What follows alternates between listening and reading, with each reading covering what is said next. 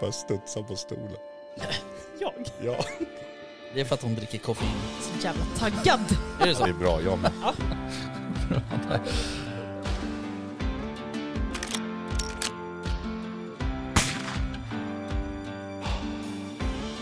Var det lite mer liksom Sound of Music-vildsvin? Ja, men liksom... Ja, precis. Ja. Kosläpps liksom.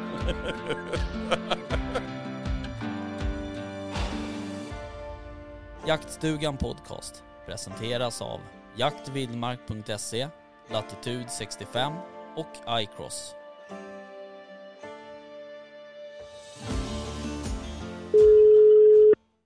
Tjena! Tjena, hör du mig nu?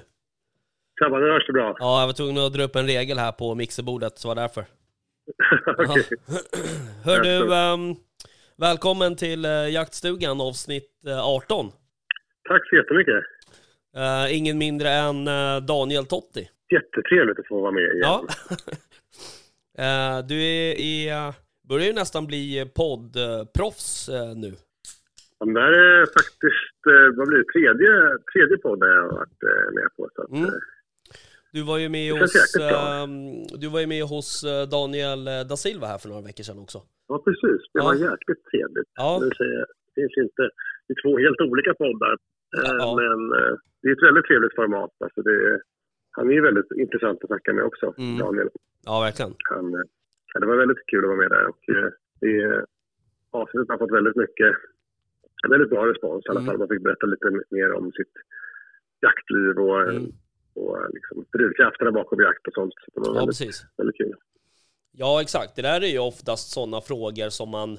Alltså man har ju också begränsat med tid när man intervjuar någon såklart och, och så. Och oftast när man pratar med någon, med någon gäst så vill man ju kanske komma till liksom huvudämnet ganska snabbt. Eh, för att prata om det, om det är en specifik gäst som ja, man har gjort något eller har liksom, ja, som, som har något speciellt ämne man vill diskutera. Eh, så att det är ju, det är ju viktiga frågor att lyfta fram också, för det är ju drivkraften i jakten finns ju hos alla, så att säga. Det är nå- någonting är det ju som gör att man inte har några problem att gå upp klockan fem en lördag morgon och åka och jaga.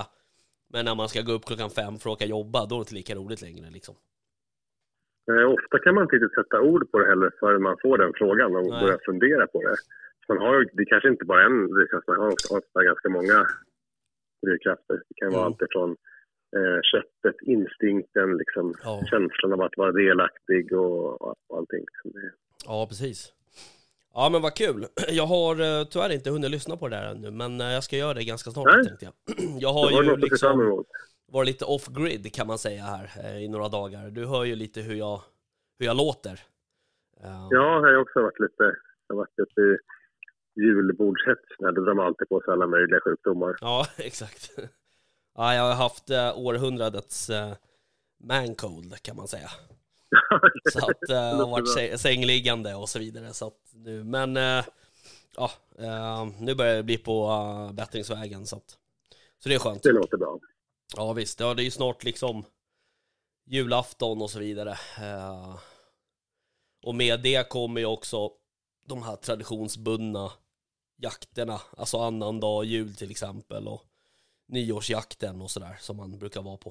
Man kan väl säga att eh, nu kommer vi, går vi in i liksom jaktsäsongens del två. här. Ja. Men Först, eh, först har vi den här totala urladdningen när man har gått och längtat eh, hela våren och Ja. sommaren när man får ut och jaga och eh, man går- åker på varenda liten jaktminut man, man får möjlighet till. Mm. Och, eh, eh, på alla resor och alla drevjakter och pyrschjakter hit och dit och sånt. Sen någon gång framåt november där, då kom ju snön. Eh, I alla fall här i Roslagen var det så pass mycket snö så att Ja. alla jakter var inställda. Ja. Dessutom har jag jobbat alldeles för mycket i, under Mm. den här snöperioden i alla fall. Eh, så nu har det blivit en period utan jakt. Eh, men nu har ju snö töat bort och julborden är över och eh, nu börjar liksom del två av jaktsäsongen. Mm. Jo men det är lite Kanske den så. bästa, vi får se. Ja, absolut. Eh, och det är ju... Eh, varje år så, så står man ju där och så tänker man helt plötsligt så här... Jäklar, nu har ju snart halva drevjaktsäsongen gått och man känns som att man precis har börjat ungefär. Eh, Så att Ja. det är ju, och jag då som har ganska små hundar eftersom jag har taxar är ju ganska känslig för att det kommer mycket snö. Nu har jag, had, har jag haft tur så att vi har kunnat jaga på en, en del marker där det liksom inte har varit så mycket snö och eh, det har varit, när, innan jag blev sjuk här nu då, så var det ju ändå liksom pudersnö så att säga. Det var väldigt mjuk snö så att hundarna hade egentligen inga problem att ta sig fram även fast det är väldigt hög, eh, alltså, även fast det är väldigt mycket snö. Mm. Men eh, man märker ju det på djuren också att det går ju, framförallt på rådjur och dovhjort och sådär, det går ju väldigt sakta och fint när det, när, när det går lite trögare för hunden också. Ja, det är bra. Fast med fördelar också. Ja, ja, verkligen. Ja, ja, men du, eh, berätta lite om, eh, om de här julborden då. Jag vet att du är, eh, du har ju väldigt mycket julbord som du arrangerar under de här månaderna. Är, Ja, det, precis. är det från och med kan- oktober eller när startar julborden egentligen? Nej, man kan säga att alltså, vårt företag är uppbyggt lite sånt att vi, vi började som en, som en grill-cateringfirma kan man säga. Mm, Som bara körde massa grillfester eh, på somrarna och bara körde massa julbord på vintrarna. Det var liksom så vi byggde upp vårt företag. Ja, Eh, och allt eftersom åren har gått då nu så har vi liksom hållit på i åtta år. Eh, och eh, kört någon form av spännande julbord varje år. Mm. Och, eh, vi har ingen egen restaurang så där, har ju cateringfirma kan man säga. ja, Så vi åker ju ut och eh, gör något spännande julbordsevent varje år. Det har blivit väldigt många storslagna julbord. Vi har arrenderat Stockholms stadion flera år i rad aha, och kört stora julbord där för upp till 3000 personer samtidigt. Liksom. okej. Eh, vilket gör att eh, vi, liksom, vi älskar verkligen julbord. Och det, Mm. och sen kom den här förbannade pandemin och eh, förstörde lite för oss. Mm. Var tvungen att liksom ha två år mer eller mindre utan julbord. Men nu är vi igång igen och eh, nu är det inte på stadion. Nu har vi, I år hade vi eh, säga, serverat vårt julbord på två olika ställen. Dels ett hotell i Norrtälje, Mm, ett hotell Roslagen och sen på Venngarn slott också, mm, i Sigtuna. just det. Så där körde vi, vi haft ungefär tusen gäster per, per eh, ställe. Då, så det, har varit, det har varit fullt ös, mycket flygande och flängande fram och tillbaka, men otroligt kul, otroligt nöjda gäster. och. Ja. Vi, vi gör ett väldigt stort julbord, väldigt, eh, väldigt eh, kvalitetsmedvetet, liksom väldigt, eh, vi försöker ha en liten inriktning mot viltkött också, Mm. en liten skogstouch på det hela det. och gör allting, varenda liten komponent i väldigt små smakbitar så att det blir en väldigt trevlig upplevelse att Mm, äta. Så att vi har haft mm, sjukt nöjda gäster och eh, vi kommer spinna vidare på båda de här ställena, både Venngarns slott och eh, Hotell Roslagen till nästa år. För det var Ja. första gången, första året för båda ställena. Okej. Hur har, otroligt bra start. liksom, hur är intresset för, för vilt på, på julbord? Det är stort, jag skulle säga. När man presente- presenterar menyn och eh, inför ett sällskap då, så, så när man, liksom, när man berättar att man, här har vi vårt eh, kocken och grisens julbord. Det är, liksom inspirerat av, eftersom både jag och min kompanjon älskar att jaga så eh, har vi låtit eh, liksom, jakten och viltet inspire- vara inspirationen till vårt julbord. Då hör man ofta det här sorlet från gästerna. Oh. Man ser liksom hälften av alla drömmer sig bort till något eh, skogspass Ja. någon gång i, i minnena och hälften av dem tycker att det lite, känns lite exotiskt, de Ja, som just det. inte själva jagar. Så, så att det är, vilt är ett starkt varumärke. Jag tycker att det liksom, vilt och julbord hör väldigt mycket ihop eftersom, eftersom viltkött passar otroligt bra att göra mathantverk på. Det passar otroligt bra att konservera, torka och röka. Så, där, liksom. det är, Mm. så det är, liksom skap, det är skapt som handen i handsken för, Ja. för julborden. Liksom. Vad har ni för, eh, jag vet ju oftast när man är på, på julbords där och det ska vara något vilt, då är det ju oftast sådär, det kan ju vara någon, någon björn eller någon sån där, liksom även sånt som kanske inte vi som jägare äter speciellt jätteofta.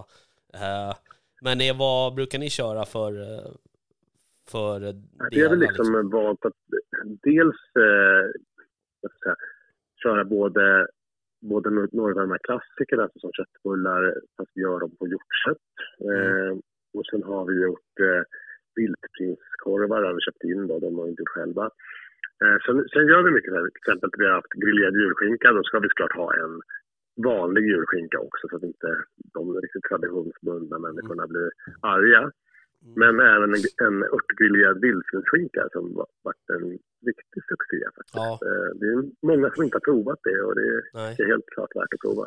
Men... Eh, tillagat så blir den ju så jävla god. Ja, ja verkligen. Och, och du säger ju här, du, du sa precis att eh, de traditionsbundna liksom inte ska bli, bli arga och ledsna för att det inte finns en vanlig julskinka. Men, men i, i min värld så är det, det är ju två helt olika smakupplevelser Mm. egentligen. Alltså det, det Ja, går inte att jämföra så att säga.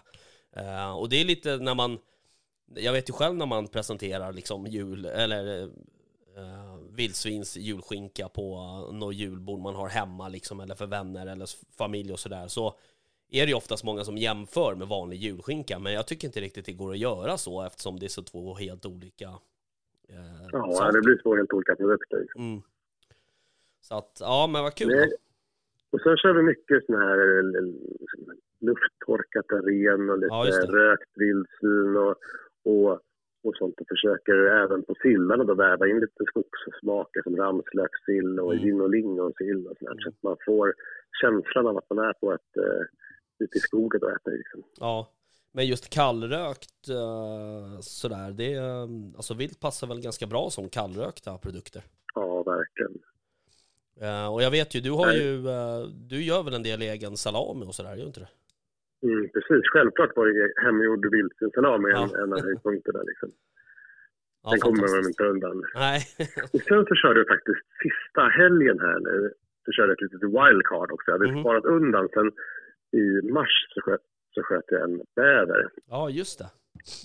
och lämnade in låren för rökning och tänkte så här, hur, det var en stor bäver, så Mm. hur ska jag liksom kunna servera ehm, ett par kilo rökt bäverlår på något snyggt sätt Mm. liksom.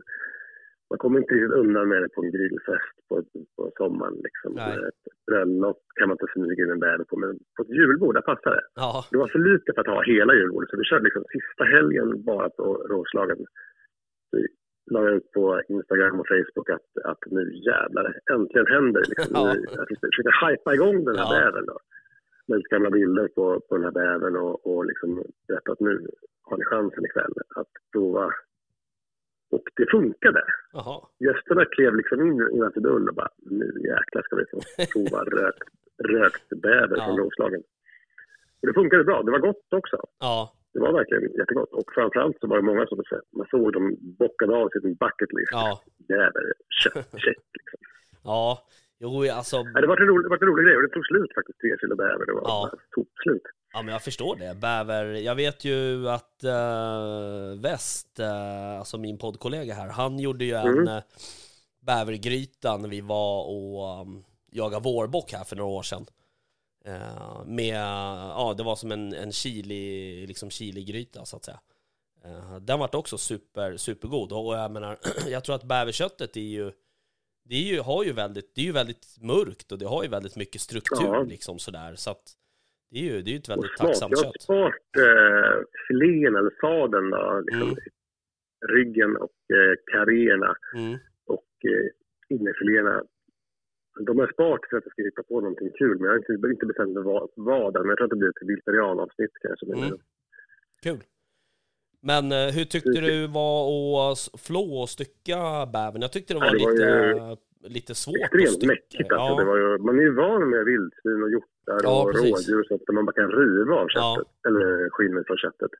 Men det här, det här späcket, bäverspäcket, sitter ihop, sitter ju fast Ja. som ett klister i, i skinnet. Och jag ville ju spara skinnet också för det var en ja, väldigt, väldigt fin bäver. Så att jag skulle bestämma mig för att göra det otroligt försiktigt. Så det tog fan två timmar att flå Ja. den där bävern. Nej, det, det är lite knepigt och man måste hålla på och rundflå och sådär. Ehm, Jag har, Ja, ju, det var, det var jag har ju två bäverskinn som jag har lämnat in här. Eh, Jag har väl något som ligger i frysen någonstans också, men, eh, men det är lite halvknepigt. Men sen också att stycka bävern tyckte jag var lite... De har ju lite annan liksom, anatomi så att ja, säga, ja. kan man Ja, säga, jämfört med rådjur. Det är ju, de är ju väldigt roliga. Alltså, man, kan ju typ, när man ser en bävers slaktkropp så Ja, blir man ju full i skratt. Att Ja. De ser ju så otroligt roliga ut. ja, Ehm, de är ju jätteplatta liksom. De är Ja. som en planka. ja. Ja, det är fascinerande djur faktiskt. De är, Nej, det är en av mina favoritjakter också faktiskt, måste jag säga. Jag är Bäverjakt. väldigt ny, ny på bäverjakt, men eh, jag är halvfrälst också efter Ja. första säsongen.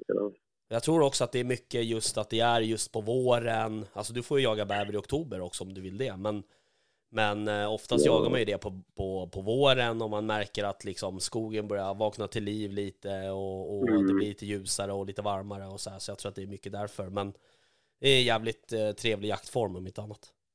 Mm. Och sen är det också det där med att, men, om vi pratade tidigare om del 1 och del 2 av jaktsäsongen, så det här kan man säga antingen del 0,5 eller 2,5. Liksom, att det är Mm. någon form av mellansäsong där som man annars kanske bara haft lite, lite vildsvinsjakt på. Ja. Så klämmer in en till, en till viltslag man får jaga på våren. Det är ju lite lyxigt. Ja, ja, verkligen. Verkligen. Hör du, ehm, jag, ehm, vi pratades vid igår en sväng ju, bara för att eh, lägga upp lite hur vi skulle eh, Ja, lägga upp det här avsnittet. Och då, Ehm, En bösta så hade det ju varit ja, avgjort så att Ja. säga. Men nu är frågan så här, hur ska jag bete mig nu när jag kommit in åtta meter rakt bakifrån ett smal, smaldjur? Jag kan inte skjuta när den ligger där liksom, det går inte. nej. På något sätt måste jag ju vänta på att den ska ställa sig upp och vrida upp och stå i bredsida till mig. Och då kollar jag på klockan eh, 10.45 eller vad det stod på. Mm. Eh, det, kan, det kan dröja det här. Jag kunde inte komma närmare heller för att det var dike då som stoppade mig. Mm. Man kunde bra gärna inte gå i sidled heller för då skulle man avslöja sig själv. Jag spände bågen Ja, eh, och liksom riktade, riktade siktet där jag trodde att den skulle ställas upp. Och så gav jag ifrån mig ett litet muspip eller ett litet försiktigt Jaha. pip. Och eh, var på rådjuret reser sig upp, visar mig rumpan ja, och traskar iväg i lugn och ro därifrån. Ja. Då har ja, jag lagt ner en timmes smygning Ja. i, eh, jag ska inte säga onödan, men, men eh, lite förgäves var det. ja. Ja, det är Men otroligt. Det, det var min häftigaste upplevelse och eh, det var, jag var rätt fin med det. Det var, det var kul. Ja, jag tror också så här att när man kommer, eh, när man kommer sådär nära som åtta meter, då har du ju alltså då har du ju du kan inte göra det bättre egentligen. Och att, att då får man ju liksom acceptera på något sätt att djuret ligger ner. Så jag tror att Ja, som bågjägare tror jag absolut att man får nog eh, eh, räkna med att skjuta djur som ligger ner i dagläge. Och så länge det är ett, så, så, så länge du kan sätta ett, ett dödande skott. Eh, ja, jag tror också att eh, det var inte, övriga förutsättningar var inte perfekta. Det var, dels var det rakt bakifrån och Ja, det var ganska precis. högt gräs. Jag såg Mm, egentligen mm. bara halsen och eh, huvudet. Så att jag, ja, precis. det var inget fritt, inget fritt boparti eller någonting sådär. Så att det var, Nej, exakt. För, Men- för, ja. Och sen hade jag, jag hade andra bra upplevelser också. Men men vi kände väl det liksom efter de här tre dagarna att hade vi haft tre gevär med oss, då, Ja. hade, det- då hade det varit en släpvagn med 30 Ja, rådjur på den. där. ja, så var det för oss också. Ja. Och det var ju, eh, alltså vi var ju också på en, ett ställe där det var väldigt mycket, eh, väldigt mycket rådjur. Eh, Sen hade jag hade ju någon, eh, alltså jag har ju en liten önskan om att få fälla en mårdhund också. Men det Ja, såg vi det inte till också. Jag hade en, F, tror jag, på just den här marken fick vi inte skjuta räv, vi fick skjuta mårdhund. Mm, Och jag hade, precis vid skymningen, det började bli jäkligt skumt, då hade jag ett djur som jag tror var mårdhund. Okej, 5-10 meters håll. Eh, men det skulle kunna varit, rent teoretiskt sett, det var så mörkt, så det skulle kunna varit en räv, så jag vågade Mm. inte. nej precis. Eh, men det var i så fall min första livslevande mårdhund jag sett. Ja, jag har aldrig sett till den faktiskt vad jag vet. Eh, kanske på zoo någonstans. Ja, precis. Eh, ja, Nej, ja, men men det var en otroligt häftig upplevelse och eh, min kompis Amanda fick ju skjuta en, ja, ett rådjur i alla fall. det. Det. var, det var väldigt roligt att vi, att vi fick någon jaktlycka på den här resan. För det känns ju, det känns ju på något sätt, även om inte man säger att skottet är det viktiga eller köttet är det viktigaste, så känns det på något sätt bättre i hjärtat att man har, att man har fått någon, någon form av belöning med sig hem Mm. från sitt slit i skogen. Mm. Det, känns, det känns som att jäkla hjärtat blir varmt av, att- av fällda djur. Så är det. Ja. ja, hon är ju hon är ju grym. Hon är ju väldigt duktig bockjägare. Um, hon Ja. skjuter ju bockar på löpande band tänkte jag säga, men eh, det är ju Ja, väldigt ofta hon lyckas med det. Ja men vad kul. Vad eh, är planen? eh, Jag vet att vi pratade lite löst om det, men inför eh, 2024, blir det en Ålandsresa igen eller? Det tror jag. jag tror på något sätt måste man ju ehm, ge det här en till chans. Och sen, Mm. eh, sen får vi se om det blir exakt samma förutsättningar, exakt samma jaktmark eller om man hittar någonting annat. Eh, Mm. Jag känner mig inte färdig där. Liksom. Nej. Ja, det, skulle det är ganska nära och bra så att säga, i och med att det liksom inte är, och eh, bra. inte lagligt i Sverige ännu så att säga. Och just på den marken jag var där var det väldigt mycket frihet att vi liksom fick x antal hundra hektar att Ja. stråsa på fritt. Ja. Och, eh, det var en fantastisk upplevelse. Ja. Vi, eh, när vi var på väg ifrån Åland eh, efter vår resa, då bokade vi ju 2024 redan då. Eh, så Ja. vi, vi bokade faktiskt premiärveckan eh, 2024. Eh, för då är, har jag förstått att det är väldigt många bågjägare från Sverige som är där.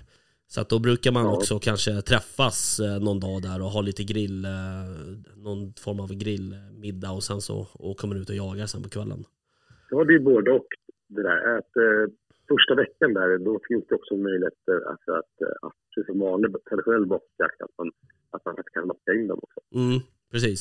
Vi var ju där i slut, slutet av september. Ja, och då, exakt. Fördelen då är ju att, de, att, eh, att alla rådjur är lovliga, så man kan även skjuta eh, skaldjur. Mm. Eh, men eh, de går ju inte att locka på. Så Nej. det är lite andra förutsättningar. Verkar ha väldigt hög population av rådjur på Åland. Ja, verkligen. Det är, det är inte mängden rådjur som det var fel på. Nej, nej, nej. Verkligen inte. Ehm, nej. Nej men, ja, kul. Har du någon annan eh, liksom önskejakt med, med båge? Som du har funderat på? Ja, är det någonting som lockar väldigt mycket så är det ju faktiskt eh, eh, två, skulle jag säga. Eh, Vitsvanshjortsjakt i, eh, i Amerika vore ju sjukt roligt. Såklart. Mm. Det hade varit jäkligt häftigt. Ja, verkligen. Och, sen, och sen tror jag vårtsvinsjakt i, i Afrika. Mm. Man smyger längs med vattendragen där och Mm. smygjakt på vårtsvin med pilbåge. Varför just var- vårtsvin? Ja, men jag gillar ju svin. Jag gillar Ja, ju vildsvin väldigt mycket. Ja. Jag, det är egentligen den, den stora anledningen att jag skulle vilja åka till Afrika någon gång. Det är för att jaga vårtsvin. Jag är mer Ja. sugen på vårtsvin än vad jag är sugen på liksom, impalor och oros och sånt. Mm. Eh, jag tycker det är otroligt häftigt djur, vårtsvin. Eh, och det ska tydligen vara bland, bland det svåraste man kan göra också. Det Ja, jag har också hört att de är... Vårtsvin. Att försöka komma in på 20 och 25 meter från Ja. ett vårtsvin som inte är vid foderplats. Det hade varit häftigt. Jag har också hört att de är otroligt snabba i höjd. Alltså, okej. som när du skjuter med båge så finns det ju någonting som heter string jump. Alltså det betyder att, att djuret hoppar eh, när, du, när den hör att pilen är på väg så att säga. Mm. Ja, den hör att strängen går av liksom. Den Ehm, börjar ladda liksom och böja Ja, benen och krypa ihop och ta första språnget. och jag har hört att ehm, normala djur, ehm, eller normala, men de flesta djur, eh, de liksom, ja, de hinner oftast inte undan så att säga. Men ett vårdsvin är väldigt, Nej. väldigt snabba. Plus att de har kanske inte så höga, hög kropp då så att säga. Men Jo, det är ännu svårare. ja, precis. Så att det är små marginaler kanske. Men, eh, nej men kul. Och det, är- det är samma sak. eh, jag kan inte annat än att hålla med där. Alltså Whitetail i, i USA vore ju fantastiskt såklart. Eh, men eh, även Afrika är ju lockande. eh, och just också för att liksom det finns så otroligt mycket vilt där. Så att det är liksom chanserna att, att lyckas är ju, är ju högre där än kanske någon annanstans så att Mm. säga. Så att eh, sen är det ju hela Alltså hela omgivningen och, och Afrika i sig är ju, är ju fantastiskt så att säga. Det verkar vara otroligt häftigt. Så det, Men eh, ja, vi får se. bara. Liksom. Mm. Ja, precis. Vi kanske ses, vi kanske ses i Afrika någon Ja, vi får styra upp en-. Exakt, en bågjaktsresa. Det vore kul. Ja, verkligen. Men hur ser, eh, hur ser eh, framtiden ut här nu då? Hinner du med någon, eh, någon jakt här i, i januari? Och... Ja, precis. Ja, men nu, nu börjar som sagt jaktsäsongen igen. Eh, del ett av jaktsäsongen var ju otroligt intensiv. Först började vi där med... Det första som var, det var ju bockjakten där och, och den, den var ju som över väldigt fort. Det var ju 16 eh, klockan 04.20 var min bockjakt över det- på den Ja. marken där, jag eh, Det känns nästan lite snopet. Ja, både och ska jag säga. Det är ju på något sätt målet är ju Jaha. att fälla den bocken man har valt ut. Och man, och man, men att det tog slut så fort var ju lite snopet faktiskt. Eh, Ja. Eftersom jag hade sagt att vi bara skulle skjuta max en bock per, per jägare i jaktlaget. Då, så, Mm. så, så, men det, det var okej. Eh, Det var en högsäsong. 16 augusti då jobbade jag ju sjukt mycket. Så på så vis var det ju bra för jobbets skull. Mm. Att det tog slut fort. Liksom. Ja, precis. Och sen, sen så var det ju fokus bågjakt där, vilket klev in i september. Första re, resan var ju bågjaktsresan till Åland. Helgen efter var vi över tre grabbar, jag, Marcus och Christian, till, till Finland. Just Så skulle det. vi jaga vitsvanshjort på en ö i norra Finland. Mm. Men det var ingen bågjaktresa eh, va? Nej. Nej, det var med, det var med gevär. Mm. Eh, och den ön har varit extremt populerad med hög population av vitsvanshjort. Eh. Och vi var där på en fantastisk resa med två dagars drevjakt och man släppte loss tio hundar på den där ön. Ja. Men det visade sig att eh, stammen var mer eller mindre slut. Det Jaha. var, de hade både, både problem med den där och de var väl en viss form av överskjutning som de uttryckte det själva. Mm. Så det, var, det var, fanns inga djur kvar Åh där. fan. Det var snopet. Det var Det också. knappt, knappt ett uppdrag då, den, den resan, så det, var, det var lite besvikelse. Men eh, väldigt trevliga bastus har de där Ja. Man får se till det lilla. Ja, och det är extremt mycket kantareller också, så vi levde på kantarelltoast, eh, taro och bastu. Ja, okej. Skålar. Ja, det låter ju inte sig. Nej, nice. Sen var det ju, eh, har jag varit på både eh, dovhjortspysch och det har varit bra drevjaktsäsong med mycket roliga, roliga jakter. Både vildsvin och jag har varit på lite dovhjortsdrevjakt och sånt också. Det har varit jävligt bra första delen av säsongen. Mm. Sen kom ju snön och nu går vi in i fas två här. Mm.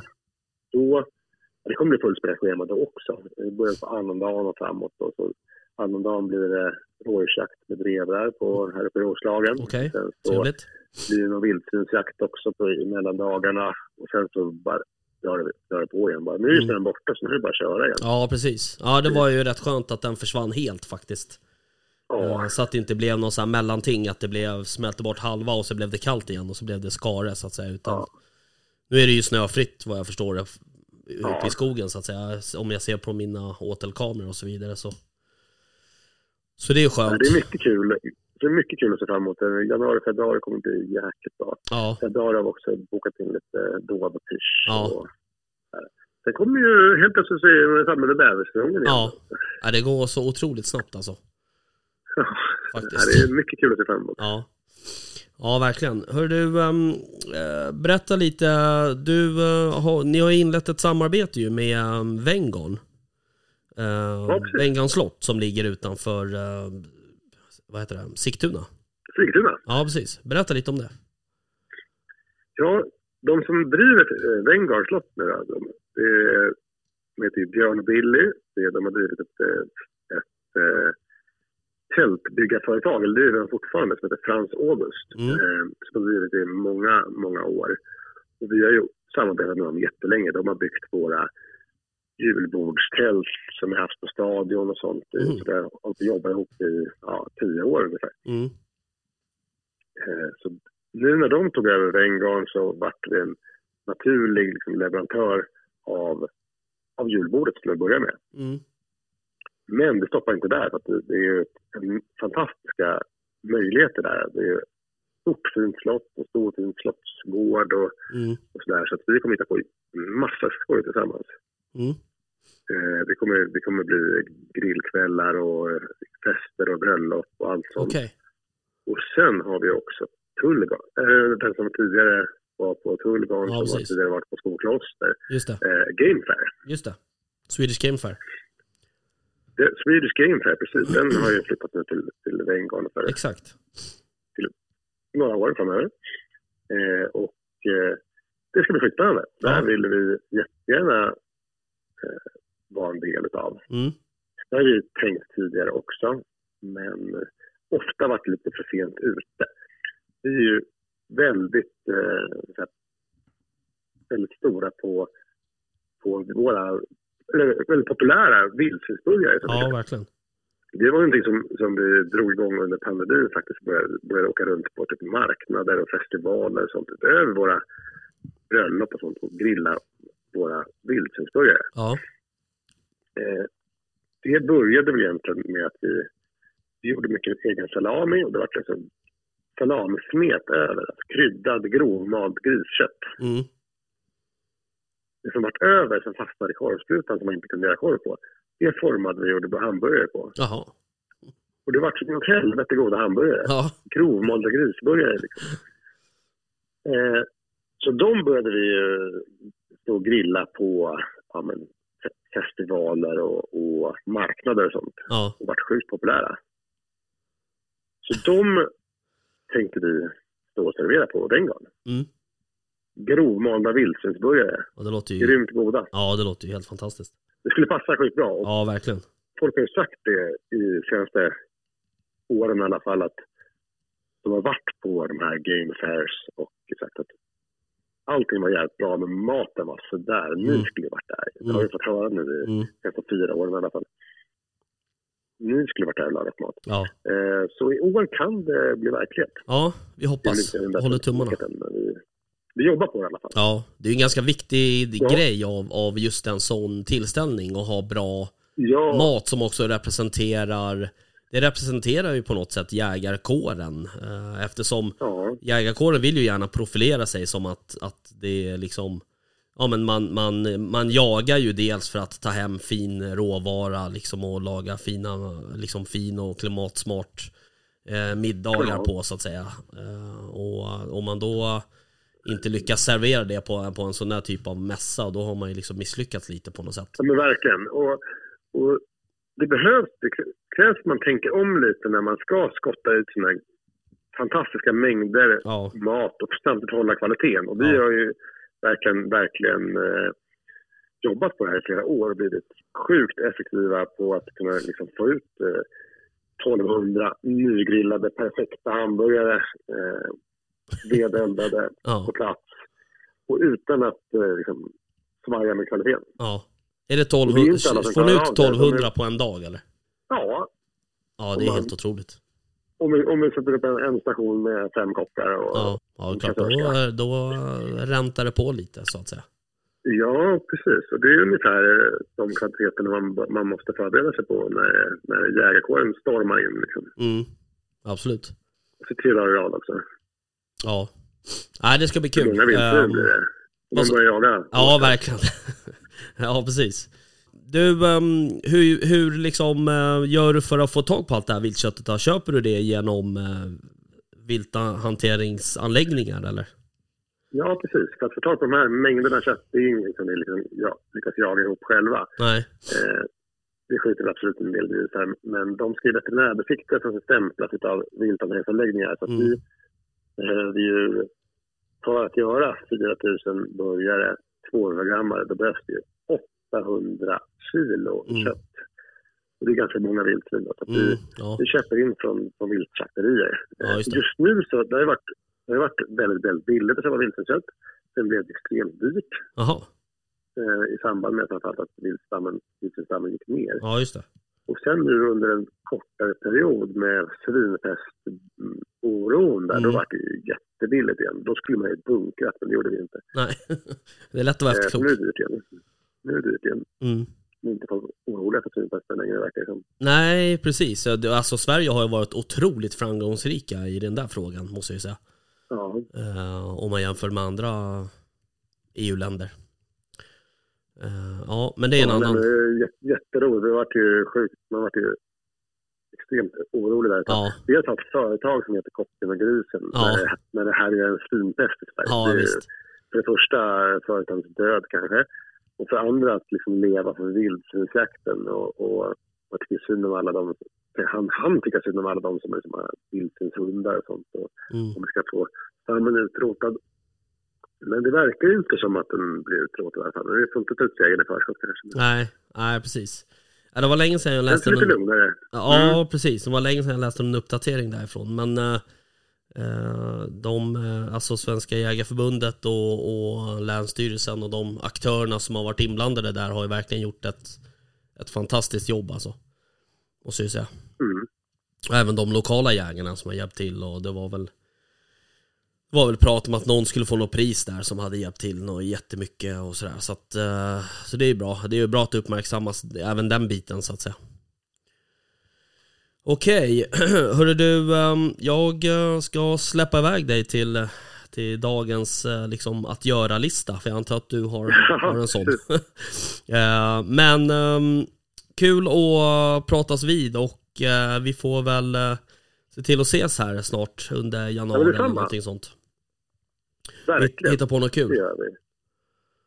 Så får vi se Det till att skjuta blir det lite. någon bågjaktresa snart tillsammans. Ja, verkligen. Det vore ju superroligt. Och eh, vi är ju ett gäng liksom här i, i Roslagen som håller på. Så att vi borde styra upp någon, Mm. eh, bara någon träffas och dricka någon eh, öl och äta en hamburgare kanske. Ja. vore superroligt. ja, det låter fan som en plan. Eh, men du, tack för idag då. Detsamma. Så, eh, så hörs vi. Ha det så gott så länge. Det gör vi. Ja, Detsamma. ha det bra. Tja. Hej. Hej.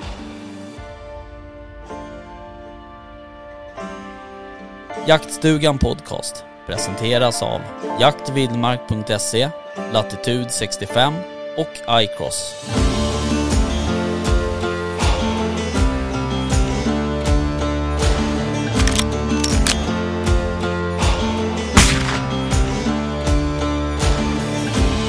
берегов